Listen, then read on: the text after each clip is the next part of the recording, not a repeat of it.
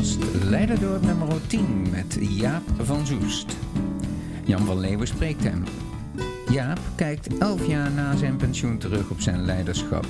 Een verhaal dat raakt. Waarom maken wij Leiderdorp eigenlijk?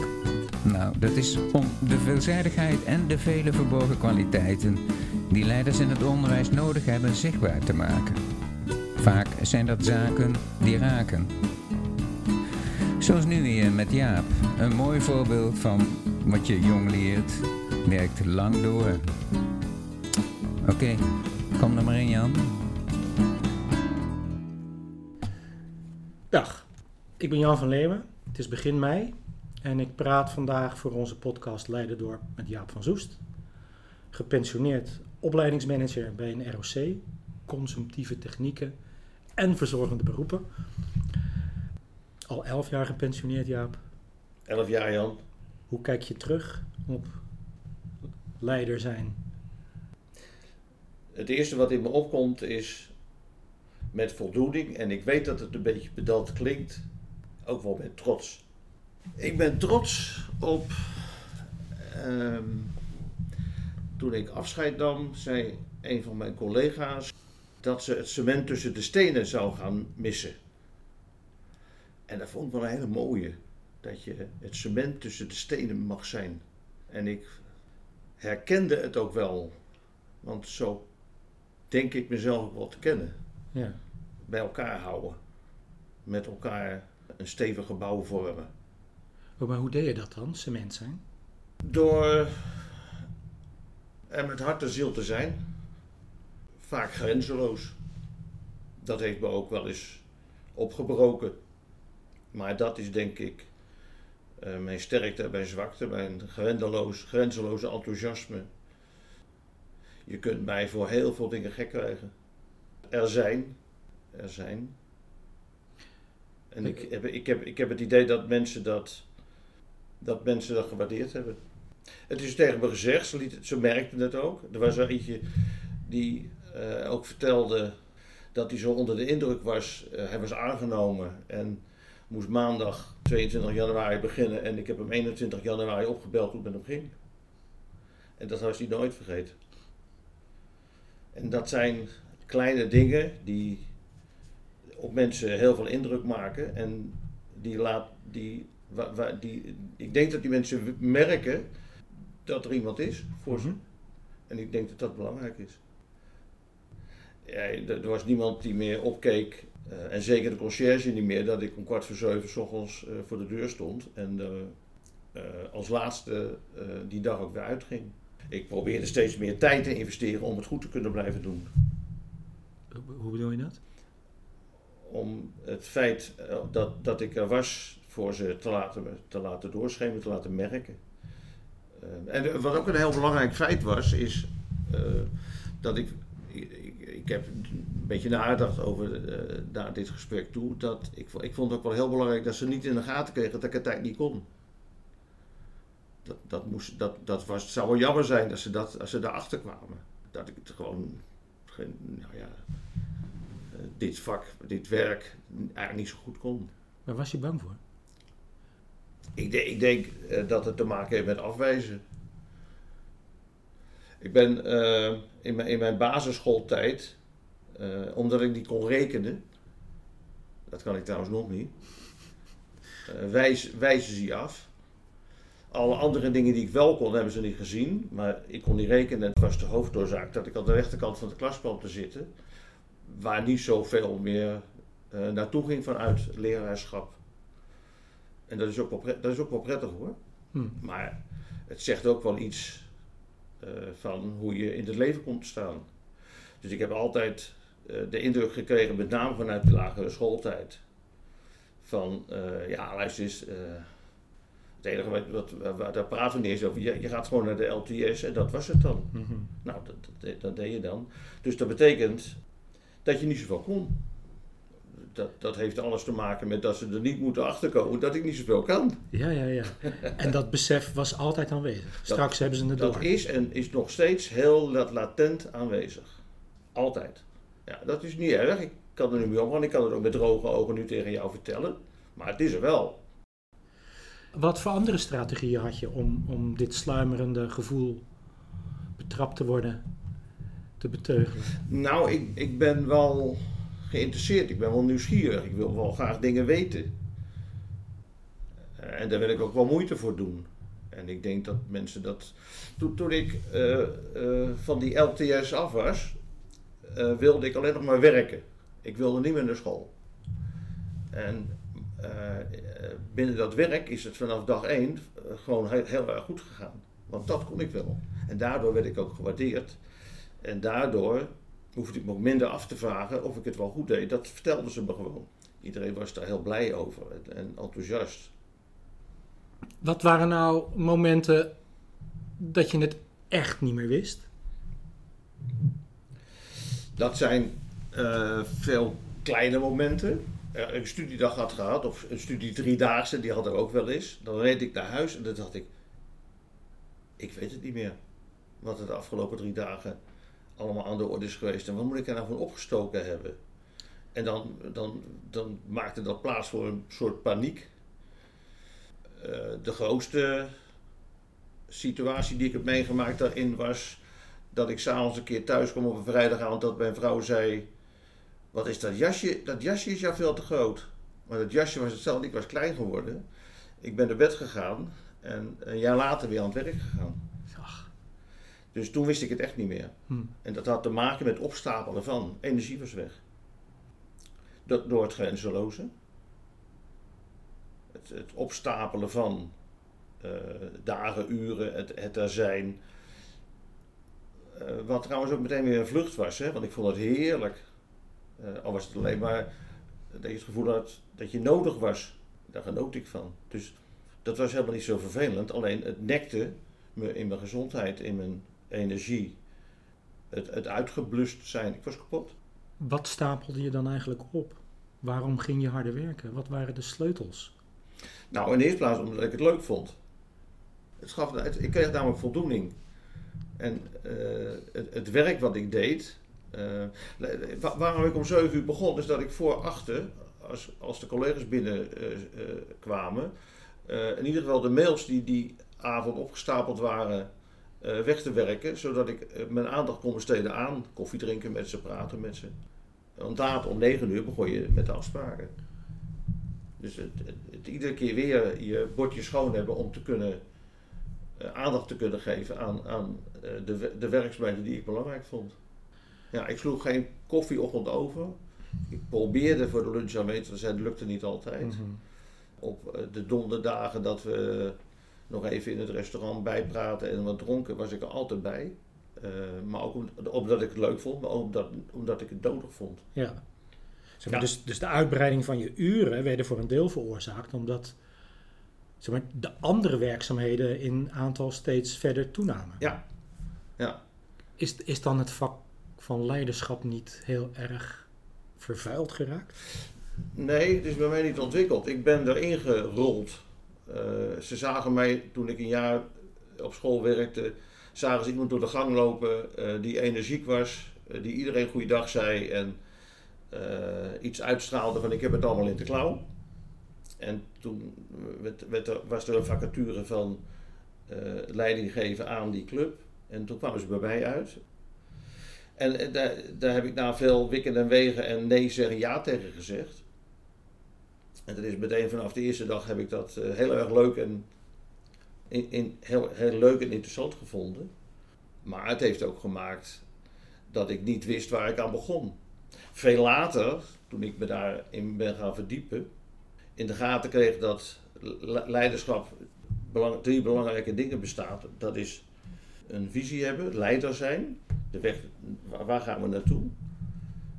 Twee is de dagelijkse werkzaamheden organiseren. En drie is mensen die niet mee kunnen kopen of problemen hebben, coachen. En toen ik die drie dingen uit elkaar kon gaan houden, toen ging dat een stuk beter. Maar ik gooide alles door elkaar.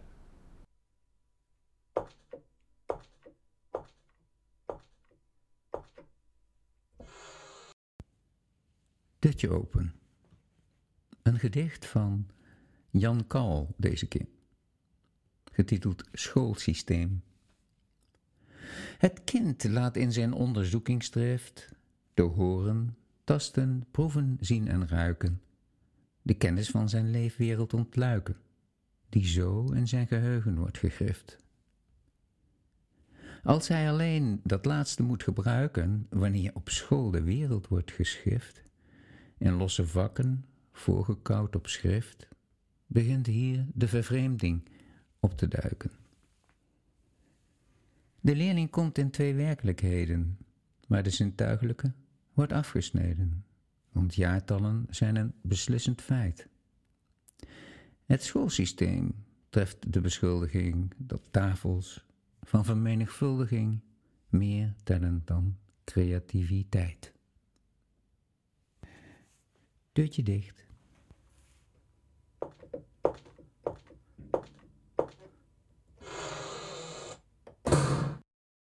Ik ben in het beroepsonderwijs begonnen dat de gedachte nog heerste dat het vakgebied, lasser, kok, bakker, dat dat het was wat ze kwamen leren.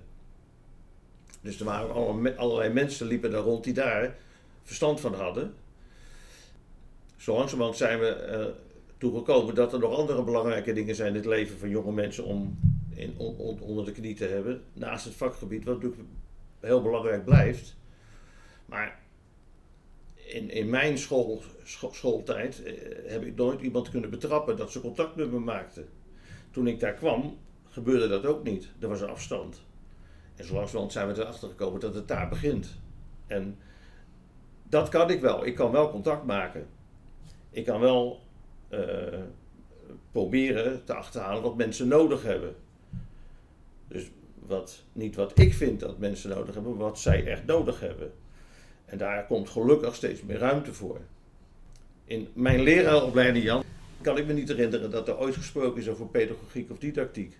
Over contact maken. Er werd gesproken over varkenshaasjes bakken. Niet onbelangrijk, maar niet het belangrijkste. Het belangrijkste is achter zien te komen wat jij als student, als leerling nodig hebt van mij of van onze organisatie om te komen waar jij wil uitkomen. En wij propten ze gewoon vol. Met wat wij dachten dat belangrijk was. Dus dat is ontwikkeling in jouw leiderschap, dat je hebt ontdekt. Het gaat niet over vakkennis, het gaat over contact. Met wie heb je nooit of moeizaam contact gekregen? Het feit dat ik erover na moet denken spreekt voor zichzelf, denk ik. Ik denk dat ik contact kan maken. Wat waren lastige mensen voor jou? Mensen die het niet konden. Wat niet? Ja, misschien wel heel breed. Die het leven uh, misschien wel niet konden. Maar in ieder geval op de werkvloer niet deden wat ze moesten doen. En daarvoor ook de mogelijkheid niet hadden. En dan kom ik weer op als docent, wat heb jij van mij, wat, leerling, wat heb jij van mij, wat heb je van onze organisatie nodig om van hier naar daar te komen? En wat deed je met die mensen? Nou, uiteindelijk eh, is het drie keer gebeurd dat we afscheid hebben moeten nemen. Hoe was dat dan? Dat was. Nou, het, het lag op het tong net om te zeggen moeilijk, maar dat was het eigenlijk helemaal niet zo. Het was namelijk wel duidelijk. Je, je, moet, je moet echt wat anders gaan doen. En dat, deden we, dat deed ik, dat deden we niet ongefundeerd. In alle drie de gevallen waren de mensen ook ongelukkig. Dus zo moeilijk was het eigenlijk niet eens. Maar veel te lang getolereerd. En dat heeft te maken, denk ik, met durven.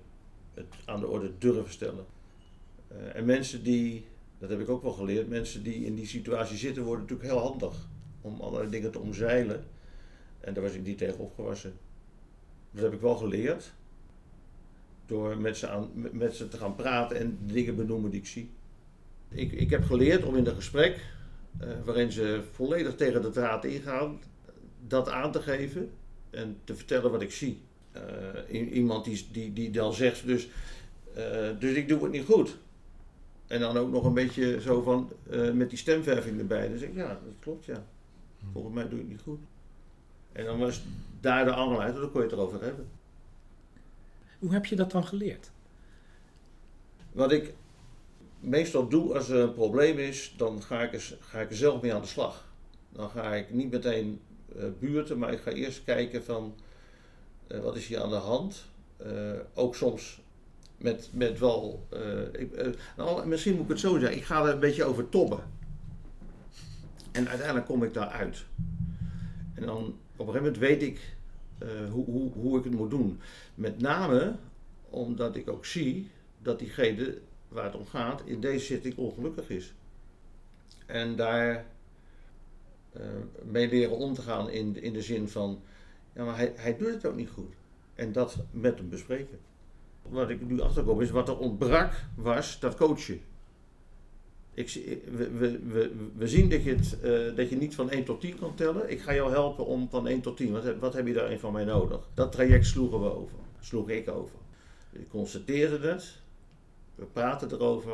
En Ja. dan, moest, dan moest het afgelopen zijn. Dus dat coachen en de bereidheid wederzijds om eruit te komen, Ja, die, eh, die heeft wel ontbraak, ont- ontbroken. Ja. Maar ik denk dan onmiddellijk, je bent zelf ook niet gecoacht. In je Eh, leiderschap. Nee, op geen enkele manier. Nee. Nee, want degene die eh, mijn, leidinggevenden zijn op dezelfde manier binnengekomen als ik. Ja, Je moest, je moest je werk doen en dat betekende afvinken. Je, je zei me net dat je met trots terugkijkt Ja, op het traject van die 15-jarige jongen met die niet zo fijne schoolherinneringen, schoolervaringen. En de man die nu tegenover me zit. Hoe, hoe kan het dat die 15-jarige jongen het zo ver geschopt heeft?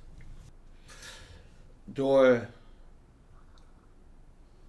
door, mijn, ent- door ent- ent- enthousiasme, nieuwsgierig.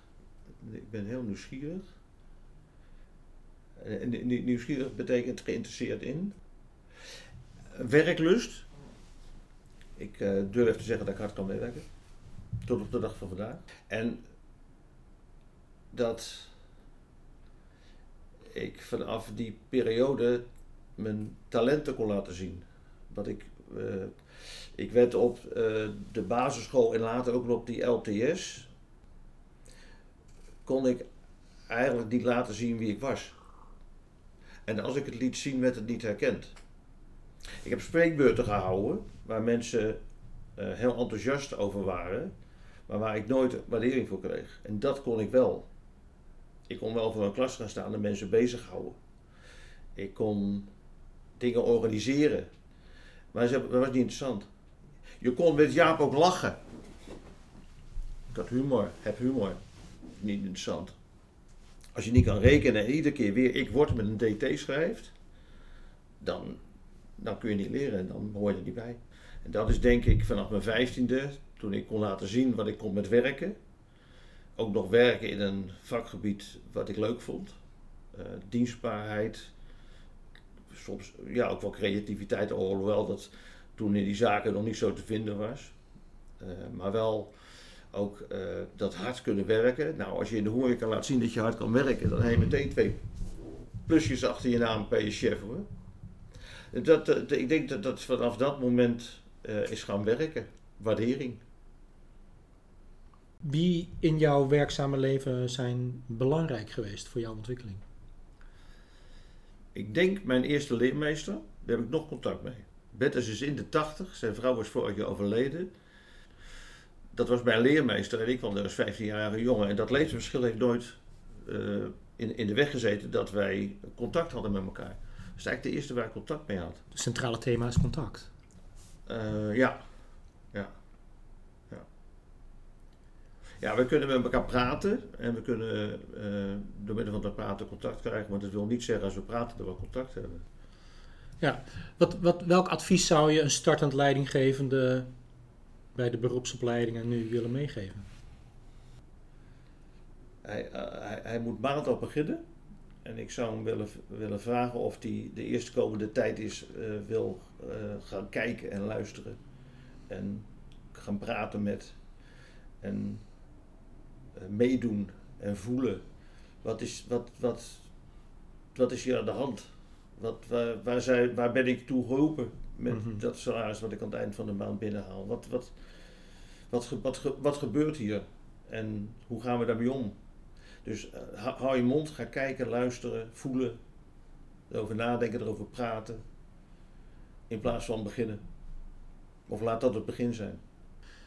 Als je 40 jaar, 50 jaar jonger zou zijn, zou je er weer instappen? Ik zou er eerder instappen. Eerder. Ik heb te lang in het bedrijfsleven gewerkt, vind ik. Hm. Ik was daar uitgekeken en ik was op zoek naar. Maar ik wist bij geen benadering dat ik dit zou kunnen. Daar komt mijn verhaal wat ik je net verteld heb weer naar voren. Tot ik op een donderdag een collega tegenkwam, ook een oude kok. En die vertelde dat hij aan de leraaropleiding was begonnen. En toen dacht ik, als hij het kan, kan ik het ook. Mhm. Ik heb hem de volgende dag opgegeven. Ja. Ja. En de rest is geschiedenis. Ja. Ja. Ik dank je heel hartelijk voor dit interview en deze terugblik op een eh, rijke loopbaan. Zo, dit was Leiderdorp nummer 10 met Jaap van Zoest, geïnterviewd door Jan van Leeuwen. Jan vormt samen met Judith Bos, Anne-Jan van den Doo en Harry Jansen de redactie van de podcast Leiderdorp van Marant Interstudie. Luisterend naar de hele serie komt er ondertussen een prachtig palet aan leiderschapsinvulling voorbij. Stuk voor stuk persoonlijkheden in een belangrijke rol. Reacties zijn welkom. Stuur ze naar podcast.marant.nl Graag tot het volgende Leiderdorp.